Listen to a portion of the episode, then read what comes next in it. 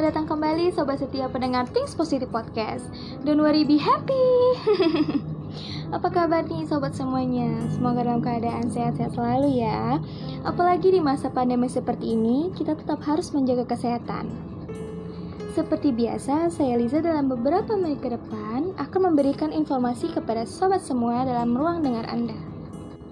Sejumlah informasi sudah disiapkan tim Things Positif untuk menemani kegiatan Anda. Nah, informasi ini berasal dari dunia psikolog. Dalam hal ini, kita akan membahas tentang kasus pura-pura bahagia. Halo, siapa nih di antara sobat pendengar yang berpura-pura bahagia di depan banyak orang, padahal nih, aslinya banyak banget masalahnya.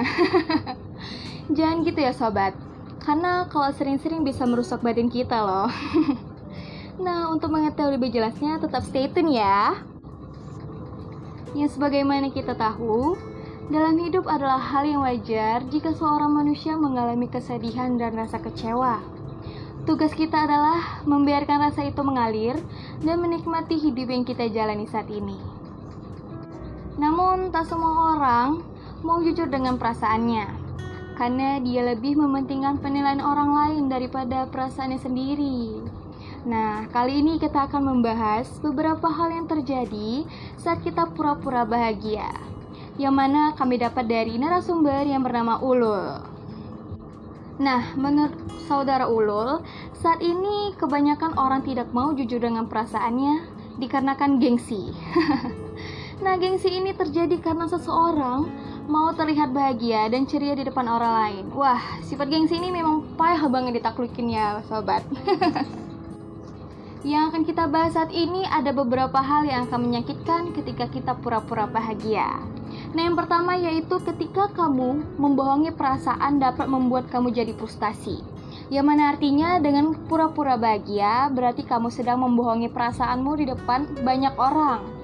Kamu bisa tertawa lepas dan bahagia di depan orang-orang banyak, namun jika sedang sendirian maka luka itu akan datang kembali.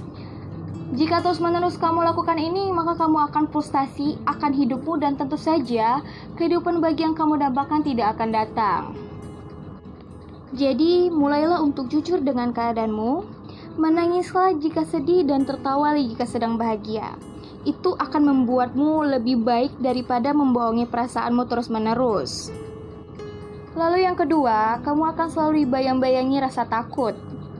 Orang yang selalu pura-pura bahagia pasti akan selalu menutupi kesedihannya dan selalu berusaha membuat orang lain percaya bahwa ia baik-baik saja.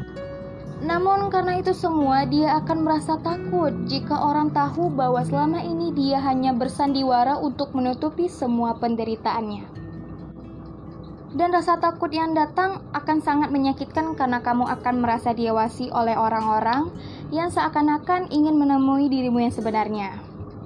Maka dari itu, cobalah hidup dengan sebaik mungkin dan tunjukkan kamu bisa bahagia dengan caramu tanpa dihantui rasa takut lagi. Maka dari itu, cobalah hidup dengan sebaik mungkin dan tunjukkan bahwa kamu bisa bahagia dengan caramu tanpa dihantui rasa takut lagi. Nah, yang terakhir, hidupmu akan semakin menderita karena luka itu tak kunjung sembuh. Yang bisa diibaratkan seperti ini, ketika kamu mempunyai luka di tangan, lalu kamu mempunyai dua pilihan. Kamu akan menyembuhkannya atau malah menyembunyikan luka itu. Ketika kamu memilih untuk menyembunyikan luka itu, maka akan membuat luka itu semakin parah. Jadi seharusnya kamu akan memilih untuk menyembuhkan luka itu. Nah, begitu juga dengan orang yang pura-pura bahagia. Sebisa mungkin ia akan menutupi penderitaannya dan tanpa sadar bahwa luka itu semakin membesar dan menyakitkan untuk dia. Ada beberapa cara untuk terlepas dari pura-pura bahagia yaitu berdamailah dengan keadaan, Lakukanlah yang membuatmu bahagia. Jujurlah kepada teman-temanmu tentang keadaanmu saat ini dan mulailah hidup dengan kejujuran. Nah, ada sedikit pesan kesimpulan dari saya nih. Cintailah dirimu sendiri baru orang lain karena mencintai diri sendiri lebih sulit daripada mencintai orang lain. Baiklah, nggak terasa sudah 5 menit saya Liza menemani sobat semua. Semoga informasi ini berguna bagi kita semua ya. Saya mohon maaf bila terjadi kesalahan dalam tutur bahasa saya. Tetap jaga kesehatan dan terus semangat ya sobat semua. Saya Liza pamit undur diri, sampai jumpa di pembahasan lainnya dan tentunya tetap di podcasting positif. Don't worry, be happy. Wassalamualaikum warahmatullahi wabarakatuh.